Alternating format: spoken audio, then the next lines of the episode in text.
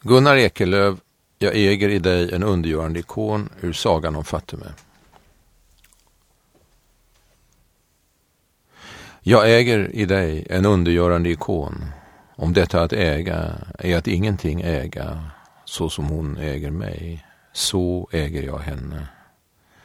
Hon gavs mig samma dag hon visat sig, på tid bestämd förut, på fastställd plats, och samma Panagia uppenbaras åter när hjärtat önskar.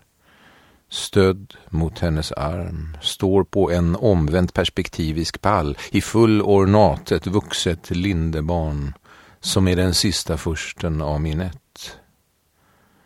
Jag lyfter bort honom Ty varje attribut som hör till denna Panagia går att lyfta, som plundran rycker loss en silversmeds basma från någon bild med händer mörknade och sönderkyssta.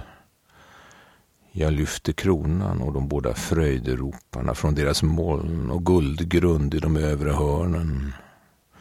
Jag lösgör smyckespännet från maforiet och lyfter detta dok från håret och från halsen. Jag löser väcken över hennes högra bröst och varligt väcken över hennes vänstra med smärtorna.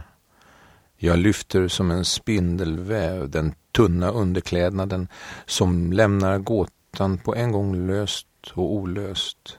Och hon ser på mig med bruna ögon i de blåa ögonvitorna. Ser på mig oavvänt. Jag lösgör armarna, den bruna handen med sin ros de bruna brösten, det högra först, det vänstra varligt sist med smärtorna och gör den efter att ha kysst den. Jag lyfter pannan, hårfästet och kinderna och sist de stora ögonen som ser på mig, ser på mig oavvänt också när de är borta.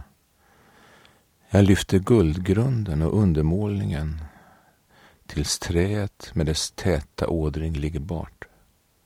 En gammal plankbit av oliv som sågats ur ett stormfällt träd en gång för länge sedan vid någon kust mot norr.